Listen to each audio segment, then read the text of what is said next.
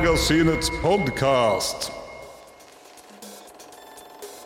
Dette er ikke en øvelse. Jeg gjentar, dette er ikke en øvelse. Velkommen til Filmmagasinets podkast. I dag skal vi snakke om den nye norske filmen Å øve, som kom på kino 1. mars. Og med meg så har jeg regissør, manusforfatter og produsent Laurens Perholm og hovedrolleinnehaver Cornelia Melsæter. Velkommen skal dere være. Tusen takk. Eh, Jeg så veldig nylig filmen, og det er et unikt un, Unikt, faktisk. Unikt stykke film. Et unikt stykke film, og jeg er veldig spent på mange sider av den. Jeg tenker I første omgang så vil jeg snakke litt om dere to. Så Laurens, du er jo både produsent, manusforfatter og regissør. Du har ikke ligget på latsiden ut ifra hva jeg har skjønt i forhold til denne filmen her. Kan ikke du fortelle litt om deg selv og bakgrunnen din, så kommer vi veldig snart til Cornelia. Eh, ja. Um, ja, nei, de siste fem år de var ganske de var jeg ganske opptatt eh, Jeg eh, er jo da opprinnelig tysk, og har da flyttet til Norge i 2017 for å gå på Nordland kunst- og filmhøgskole, som det heter. Filmkunstskolen i Kabelvåg i dag. Har tatt en bachelor der, og, som blir ferdig i 2020. Og da, etter det, så begynte jeg å jobbe med denne filmen her. Skrev manus uh, når jeg gikk siste året der, og hadde på en måte den ideen som vokste større og større. Starta egentlig litt sånn kortere format, og med blant annet covid og sånn, så blir det noen runde, ekstra runder med manusskriving, uh, eh, som på den måten var veldig bra for meg. Egentlig må jeg innrømme at jeg fikk en sånn free space som jeg ikke hadde forventet gjennom lockdown. Det er veldig mange som sier det av faktisk gjestene her, og særlig, særlig manusforfatterne Ja, er de som ja. sier det Ja, ja.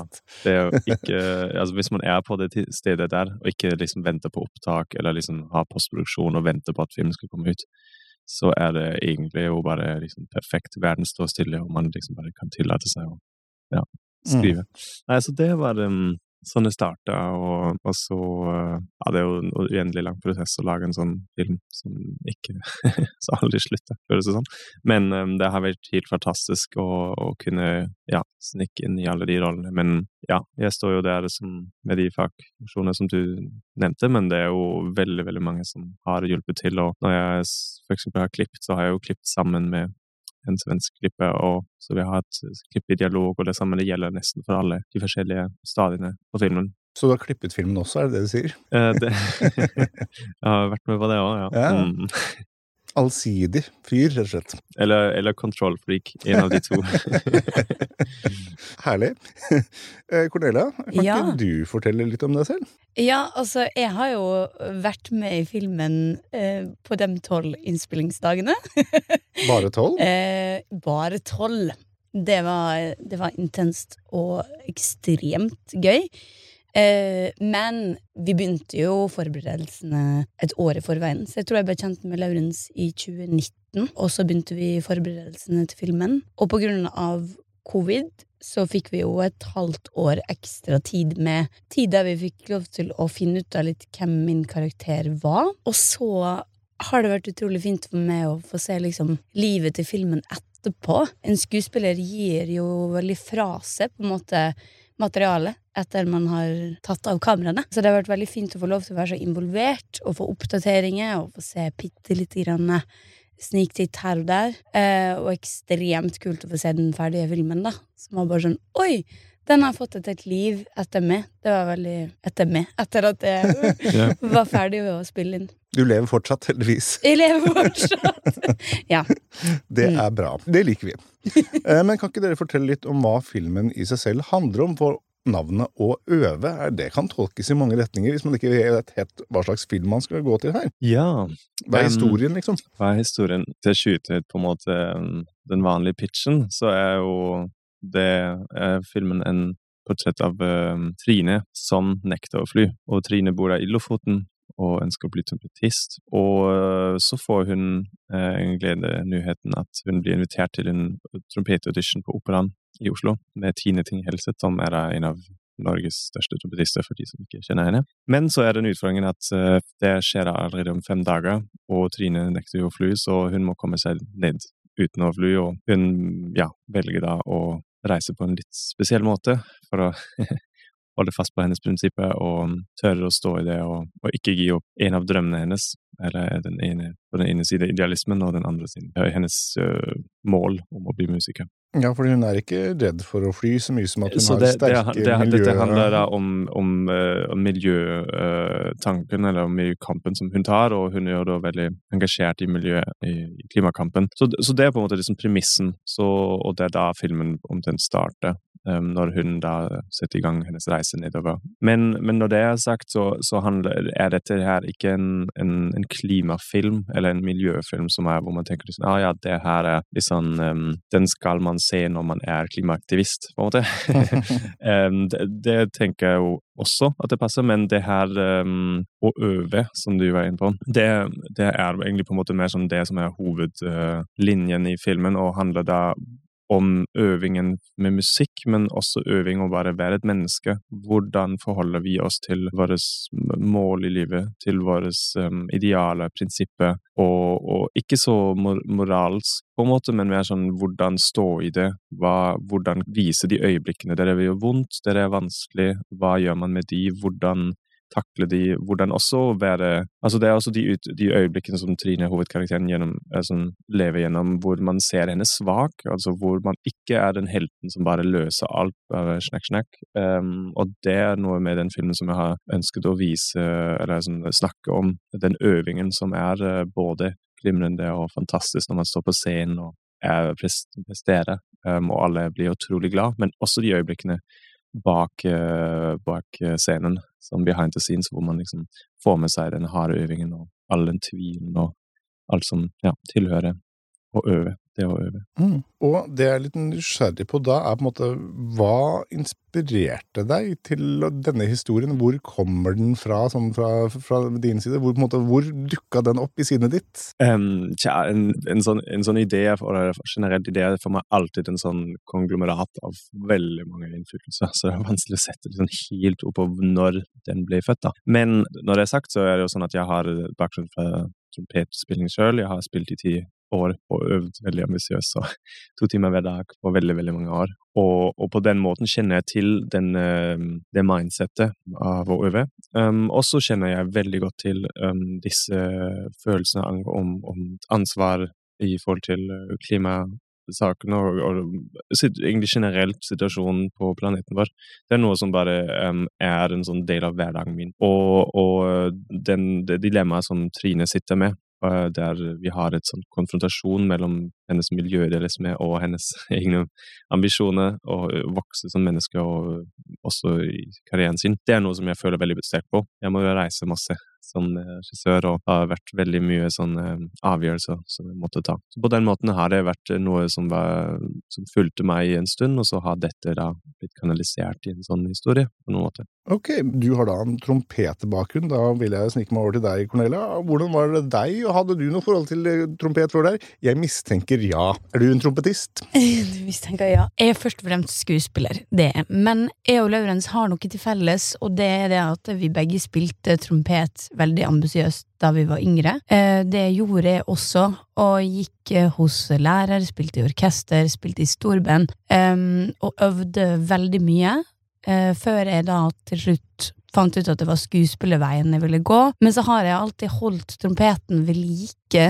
Eh, I alle fall litt sånn når jeg har hatt lyst, mm -hmm. eh, og når jeg så at det var noen som søkte en skuespiller som kunne både spille trompet og var skuespiller, da. Så eh, kjente jeg jo at eh, yes, da fikk jeg bruk for det som jeg har holdt litt sånn varmt på sida, som jeg tenkte var lurt å kunne. Jeg har alltid tenkt det var lurt å kunne litt trompet, og det fikk jeg på en måte bevist. Altså, det var ekstremt gøy eh, å få bruke den kvaliteten der. Jeg måtte selvfølgelig øve veldig mye, som passa bra i mm. filmens tematikk, så jeg måtte på en måte En del av min rolleforberedelse var jo også det å øve trompet flere timer om dagen, eh, ha et øvingsprogram, dra til lærer. Så da Det blei også en slags um, method acting, på en måte. At jeg, at jeg ble kjent med karakteren min gjennom at jeg sjøl måtte komme meg opp på et visst nivå, da. Det er ikke så god nå lenger.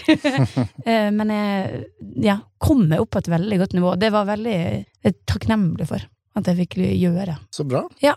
Og så fikk jeg kjenne på det der alvoret, for jeg måtte jo komme meg opp på et nivå. Eh, til den filmen. Og Trine må også komme seg opp på et nivå til en audition, så det ble en sånn dobbeltting som var veldig takknemlig for meg som skuespiller. Og filmen er jo ekstremt sentrert rundt deg, så du er jo med i egentlig enhver scene. Ja. Hun følger deg tett, tett, og som da Trine haiker fra Lofoten til Oslo med masse mennesker hun møter på veien. mm. Hvordan var filmingprosessen? Jeg er interessert i Haika dere begge to? Hvor mange var det med i crew? Hvordan var reisen? Hvordan, hvordan ble dette laget? Ja, det som Cornelia fortalte litt om, om jeg var jo vårt grunnprinsipp at vi uh, på en måte skulle fake minst mulig. Eller ikke, det handler ikke om faking, men det er på en måte mer sånn om å bruke realiteten sin styrke. Mm. Det er noe som jeg liksom liker best når jeg ser personlig på film, og, og som jeg også ønsket med den metoden her, sånn at vi føler en sånn stor autentisitet. Og på samme måte som hun for eksempel spiller da alt trompetmusikk i filmen, så bestemte jeg meg for, mens jeg skrev manus, å haike denne turen mm uh, fra Lofoten til Oslo, for å teste det ut sjøl og være selv på veien. Og, så, så det, sånn starta egentlig den første haiketuren, og, og, da fikk jeg jo reist i fem-seks dager og skrev en del ting som jeg opplevde, og det var jo en slags research. Og så skjedde det sånn at noen av de menneskene som jeg fant på veien, det som plukka meg opp, for den saks skyld, ble faktisk del av filmen. Enten da som en scene som de uh, inspirerte, eller faktisk som skuespiller og location. Og så uh, gikk det da videre til innspillingen. Da gjorde vi litt sånn halvveis Det var jo alltid iscenesatt og skrevet, så det er jo ikke en dokumentar. Men vi filma seks dager i Lofoten, og ja, gjorde da en del sånn interiørsekvenser. Og så hadde vi seks dager for å dra fra Lofoten til Oslo med to biler Um, og da var vi jo et miniteam med fem i crew og Cornelia som skuespiller, så det var jo nesten dokumentarteamstørrelse. Uh, og, og da filma vi folk som vi hadde casta på veien, og som jeg hadde liksom forberedt på at vi skulle komme innom. Så det var en veldig ambisiøs plan om å kjøre 3000 eh, km, altså frem og tilbake, ikke sant, 1500 eh, nedover, og filme samtidig med mellomstopp i liksom alt fra Fauske til Steinkjer til um, Hamar, Stange. Så det var liksom Oslo. Mange stasjoner som vi har bygd inn. Um, og så er det jo der videreført i markedsføringen til og med, hvor nå hovedsakelig jeg har haiket til verdenspremiere fra Tromsø til Haugesund i fem dager um, for å promotere filmen og på en måte ja, ta dette her på alvor. da. ja, og Cornelia hadde også vært med. Så det har bare blitt en sånn uh, method directing, som jeg kaller det. mm, ikke dumt, ikke dumt. Det er et uttrykk jeg ikke har hørt så mye. Det, det, det er gøy. ja, nei, så det handler, For meg handler film veldig mye om sånn helhetlig tilgang. Det er sånn jeg um, ønsker å lage film, og, og, det har bare blitt en sånn flere og flere runder med denne tilknytningen til hovedkarakteren og hennes gule jakke. Som, ja, jeg ja. hadde tenkt å spørre om de gule jakkene, for det er mye gult som går gjennom filmen. hvor mm. uh, når jeg møtte dere på Norsk Filmår, så hadde dere selvfølgelig på dere gule jakker for å promotere filmen. Hun har på seg mye gult gjennom hele filmen, og så etter hvert dukker det opp denne blå genseren mot slutten. Jeg er litt nysgjerrig, er det noe fargesymbolikk her vil plukke opp på? Mm, ikke så mye symbolikk på den måten, men um, det handler jo om å Vi har jo tenkt nøye på en fargepalett og hvordan, uh, hva, hva, vi ønsker å fremheve i filmen, og det er jo i første omgang er det jo trompeten som er uh, da en viss hovedkarakter uh, med den gule gullfargen. Så, på den måten ble det, samt jakken til Trine, som, som bare fremstår i alle de scenene, og som, som, er på en måte det, det som visuelt også popper ut gjennom mange scener og i alle det, de landskapsbildene hvor hun reiser gjennom Norge. Sånn. Så er det noe med, med å hun, hun alene i verden og da har den gule jakke kanskje noe, noe, trøst i seg, eller jeg vet ikke, noe mm. signalfarge. Det liksom, kan man tolke sjøl, men det er den ene siden, og det blå genseren er jo da som en liten minispoiler, da. en, mm. en frempek til hennes indre indre trompetist, på en måte, eller hennes indre forbilde. Eller, men det finnes på en måte forskjellige nivåer i filmen. Det er jo også ikke en, ikke en vanlig roadmovie på den måten at man kanskje forventer en litt sånn ABCDE-film som bare har et straight narrativ på den måten, men handler også om en slags poetisk uh, roadmovie som handler mye om en indre reise òg. Og på den måten er den blå eh, versjonen av hun, eller hun i, i blå genser, er en sånn uh, indre versjon av henne sjøl i fremtiden, eller i nåtiden, som en idealisert person. Så ja, vi leker litt med de forskjellige nivåene. Ja, ja, jeg syns jeg plukka mm. opp på noe underveis der, og jeg syns du nevnte dette med helhetlig approach. Altså, jeg tenkte på et tidspunkt i løpet av filmen at når du ser hun spiller trompeten eh, gjerne da enda seinere i filmen, så tenker jeg at det er sånn derre holistisk uh, greie hvor hun kanaliserer erfaringene sine på veien, og på en måte frustrasjonene sine, og på en måte prøver å på en måte kanalisere sin egen essens gjennom musikken. da. Det er veldig mye fokus på lyd i filmen. Iallfall sånn jeg tolka det. Sånn der holistisk approach til utvikling av essens. Ja, ja det, det er også med, med lyd at, vi, at, det var for meg veldig veldig viktig, og at lyd spiller en stor rolle i denne filmen. Jeg har aldri, jeg har aldri hørt en regissør som sier at lyd ikke spiller en stor rolle, men, men, men, det er um, Men jeg lover dere, faktisk, her er det um, det er del av narrativet på større måte enn bare som en bakgrunn. Så, mm. så Trine opplever verden gjennom, gjennom øret først og fremst, og det merker vi veldig tydelig i filmen. Ja, det gjør man definitivt. Ja. ja. Tror dere at etter folk har sett denne filmen, så vil det liksom bli en eh, økning i haiking på norske veier framover? Oh, det blir spennende å se. Det skal vi ikke se bort fra. um, ja, kanskje det. Det hadde vært, uh, det hadde vært kult å se. Um, vi har, jeg har jo um, ja, den uh, kinolanseringen til uh, start, eller kinolansjer jo 1. mars, og så før det så skal jeg jo haike i tre uker um, gjennom Norge. Så det spørs når folk hører på den podkasten, men muligens er jeg akkurat nå på vei og står et sted og har tommel ut med en gul jakke. Ja. Hvis dere hører på dette mens dere kjører, se ut vinduet om dere kan plukke meg opp. um, ja. Haiking er jo en ting som gjerne har blitt sett på som veldig skummelt. Mm. Um, min mor sa liksom til meg at uh, er det én ting du ikke skal gjøre, så er det å haike.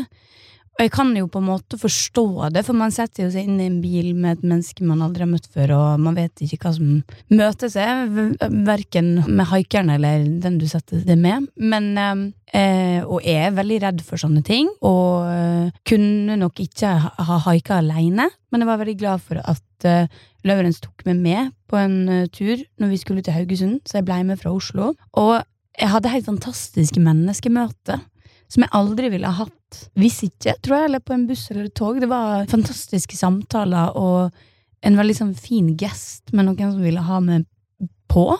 Så, så, jeg anbefaler jo, hvis man har lyst til å på en måte prøve noe nytt og, og bli kjent med andre mennesker på en helt annen måte, så er det jo en veldig fin ting å gjøre. Og uh, en fin ting i forhold til det å, å stole på hverandre, da. Vi er jo veldig redde i det samfunnet her. Jeg tenker den det er ikke sånn at filmen promoterer hiking som, det, som ny kollektivtransportmetode.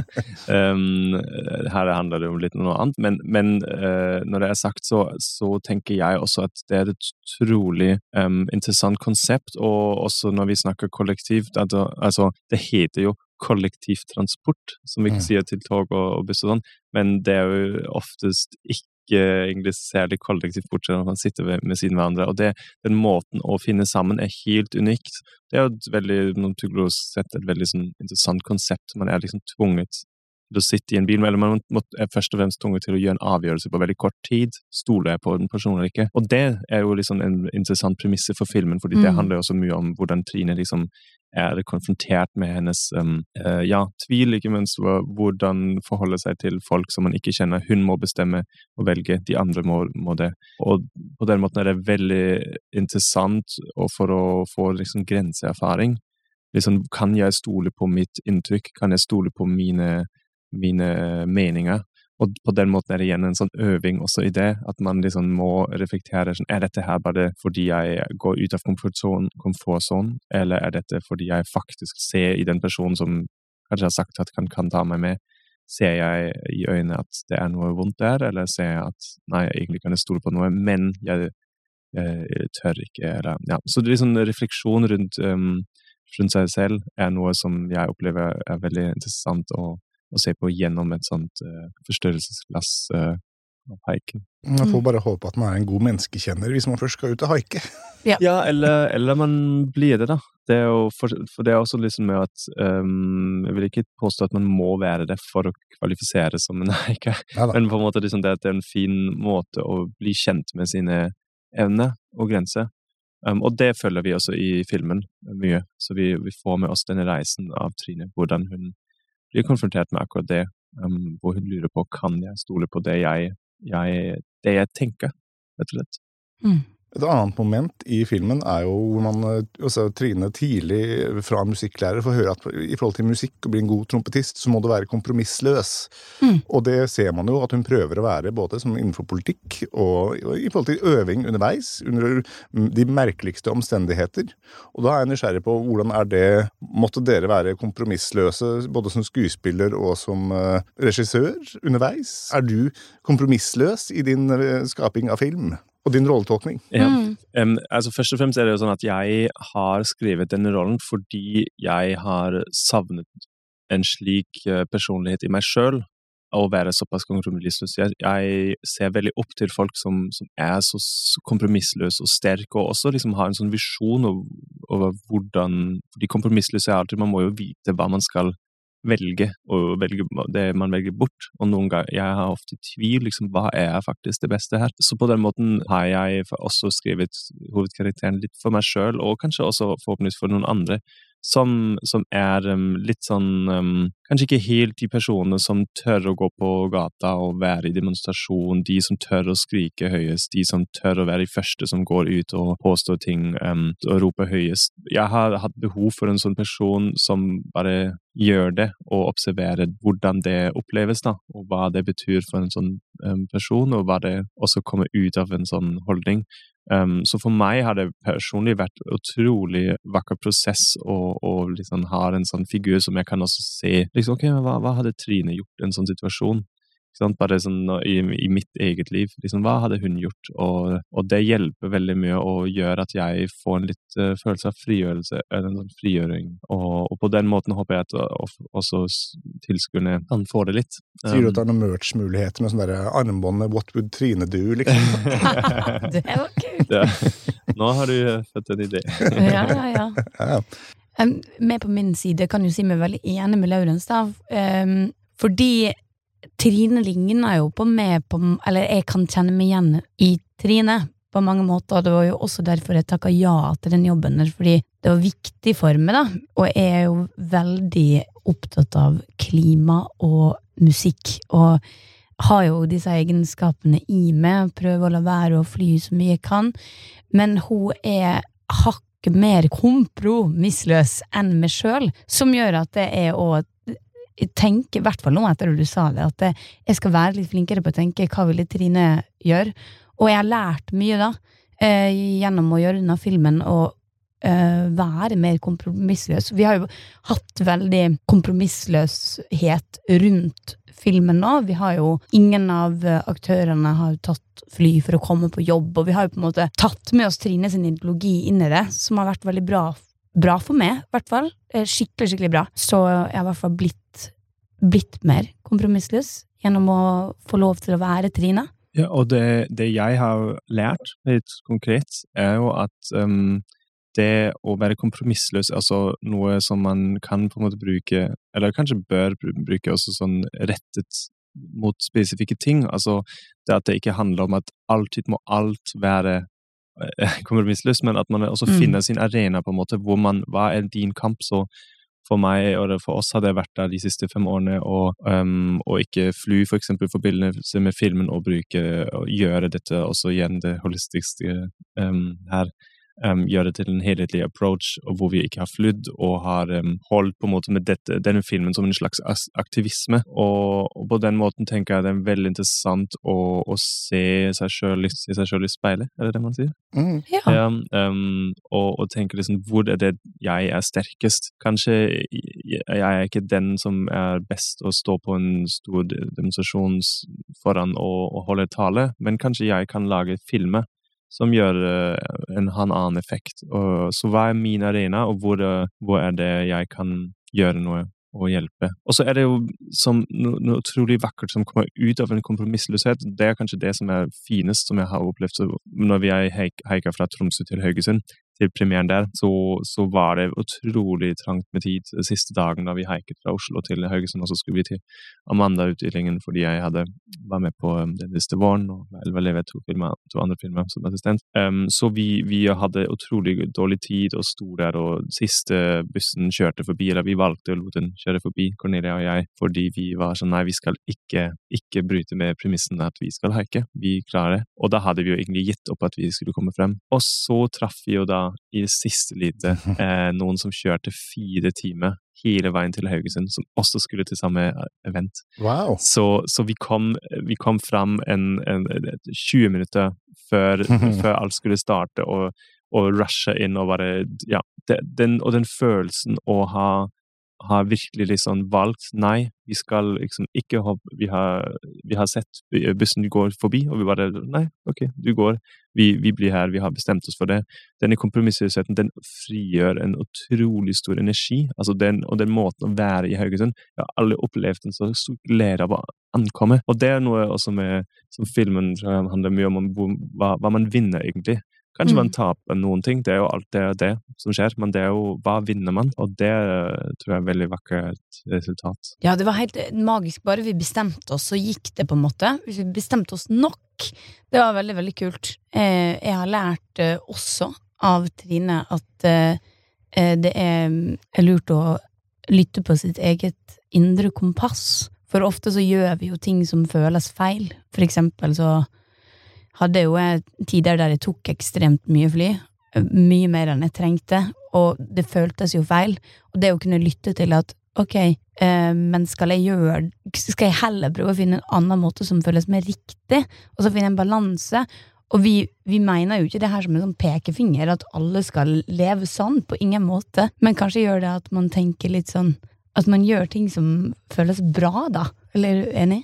Ja, Veldig. Og, og, igjen, dette er jo ikke noe dogma, altså det er ikke en film som er dogmatisk, og det er ikke hele min egen holdning. Så mm -hmm. nå, nå, for eksempel kom jeg, nå var jeg en uke på Gran Canaria med et annet filmoppdrag der jeg jobber som assistent, og, og, da har jeg sett for meg en grense at her er det liksom, med, dette, med den filmen så har jeg ikke flydd på de siste fem år, ikke sant. Nå er det et oppdrag hvor jeg jobber for noen andre, og da er det en grense hvor jeg må liksom finne min egen måte å deale med det. Og, og likevel kan jeg være konsekvent med det ene, men um, må ikke gi opp helt de andre tingene heller. Så, så det er liksom med å, å, være et menneske, rett og slett.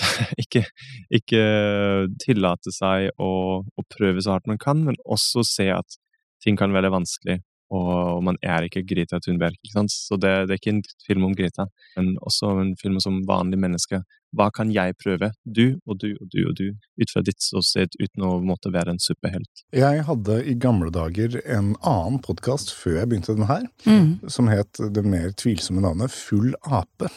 Og det er eh, ikke så rølpete som det høres ut som, men ikke så lite heller. Eh, men der hadde jeg inn en fyr, en kompis av meg, som hadde et prosjekt hvor han kjørte for hver uke i året hadde han et nytt klimatiltak han ville implementere i livet sitt i løpet av hele. Det, er, det var heftig heftig, og han klarte det ganske så bra. Men det er sånn, mm. noen kjører løpet hardt, mens mange av oss prøver bare å gjøre så godt vi kan. Så der, hvor, hvor skal grensa gå? Hvor kompromissløs klarer du å være? Ja, og det jeg tenker jo ofte, at, at man ofte liksom konnoterer det med noe veldig anstrengende. Det er veldig sånn slitsom Å nei, mm. og, det er så slitsomt nå her. Nå står jeg på butikken og har, nå må jeg bære de tingene uten plastpose. Altså, alltid liksom åh, det. Men det handler også om liksom, ok, men hvordan kan man skape noe fint? Ikke sant? Ikke bare, uh, ikke bare ta det som en sånn straff, men mer sånn hva kan komme ut hvis vi tenker litt vanlig på nytt? Hvis man ikke tenker at ja, men det eneste måten å komme seg til um, en fin ferie er å fly. Være sånn, ok, men Kan man gjøre en fin reise dit? Kan man gjøre noe ut av det? Det er å ligge så mange vakre ting på veien. Uh, og, det, og, det, tenker jeg filmen handler mye om, bortsett helt, hvis vi går helt også bort fra den klimatematikken og, og det miljøvern. Det er bare sånn om i livet liksom, hvordan er veien til de målene vi har. Og, og, er det noen ganger at vi kanskje tenker litt for mye på, kun på målene, og glemmer litt det som ligger på veien, og kanskje også de ting som vi må ofre på veien som vi har tapt. eh, Og det handler like mye om relasjoner og, og sånt. Så Hvordan har mottagelsen på de visningene dere har hatt, vært? Ah, Hvordan er reaksjonene fra publikum? Um, altså, vi, vi har hatt utrolig, utrolig fine visninger. Um, det startet, jo- reisen startet i Haugesund, på Norske Filmfestivalen, og så hadde vi internasjonal premiere i Tyskland, i Hof, Hof International Film Festival og Nordiske filmdager i Lübeck. Og em, det er jo alltid litt sånn forskjellig ut fra publikum, selvfølgelig. Men eh, i, spesielt i Tyskland så hadde vi um, Ja, det var helt fantastisk. Vi vant jo to priser, heldigvis. Også på begge festivalene. En gang Kritikerprisen og um, filmen, uh, prisen for det beste regidebut. Um, men så hadde vi utsolgte visninger på begge de tyske festivalene. Altså Wow. alle fire, fire visninger, fire utsolgt, eh, eller tre utsolgt. En ekstra visning, også utsolgt. Så det var helt fantastisk. Og ja, og lang, lang applaus. Eh, fantastisk følelse over det står der foran og var sånn Ja, nå, nå, nå slutter applausen. Nei, nei, nei. Det er fint. Hvorfor det? De klapper videre. Så, så- det, ja. Mm. Så skapte det så mange fine diskusjoner, for vi hadde jo um, litt ettersnakk etterpå, etter hver visning. Og på flere av visningene så begynte vi å diskutere em, det, altså tematikkene til filmen, og det ble så masse Folk engasjerte seg på mange forskjellige måter. Eh, både rundt klima, men om haiking er farlig, og, og om rundt musikk. Eh, og det å måtte stå mellom to valg eh, som føles motstridende. Eh, det var veldig mange fine samtaler der.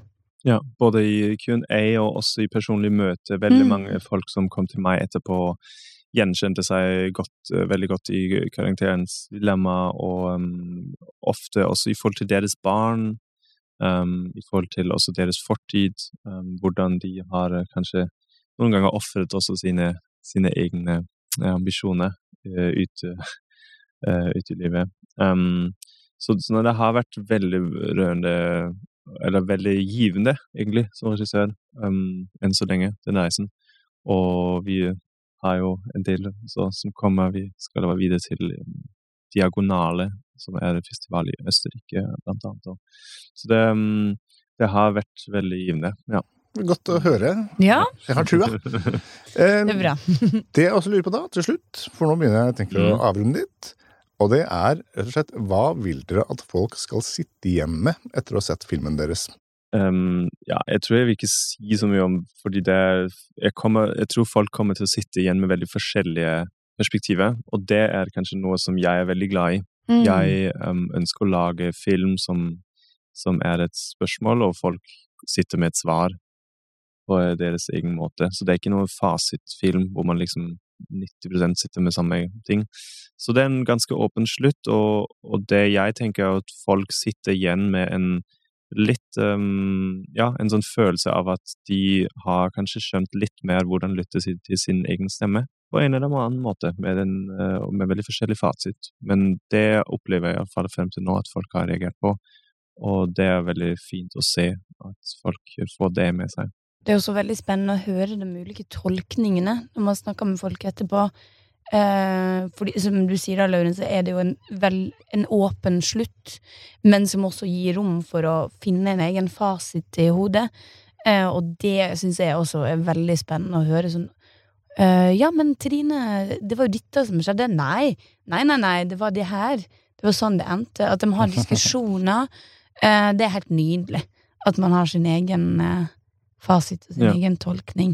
Og så er det sånn stemningsmessig faktisk at jeg tenker egentlig litt sånn at folk sitter igjen med altså, sånn, som etter en, et konsert, etter et klassisk konsert eller Sigurd Ross eller noe sånt, man er liksom kommer ut, og det har vært, det har vært litt sånn ikke, Man sitter ikke igjen med en fasit etter man har hørt konsert fra la oss si, Sigurd Ross, ikke sant? Man sitter med, med en sånn stemning Mm. i seg, og tror det ligner litt på det som formen vår har. Det er en, en slags um, ro som ofte folk uh, har med seg Det er sant. når jeg har sett i øynene til folk.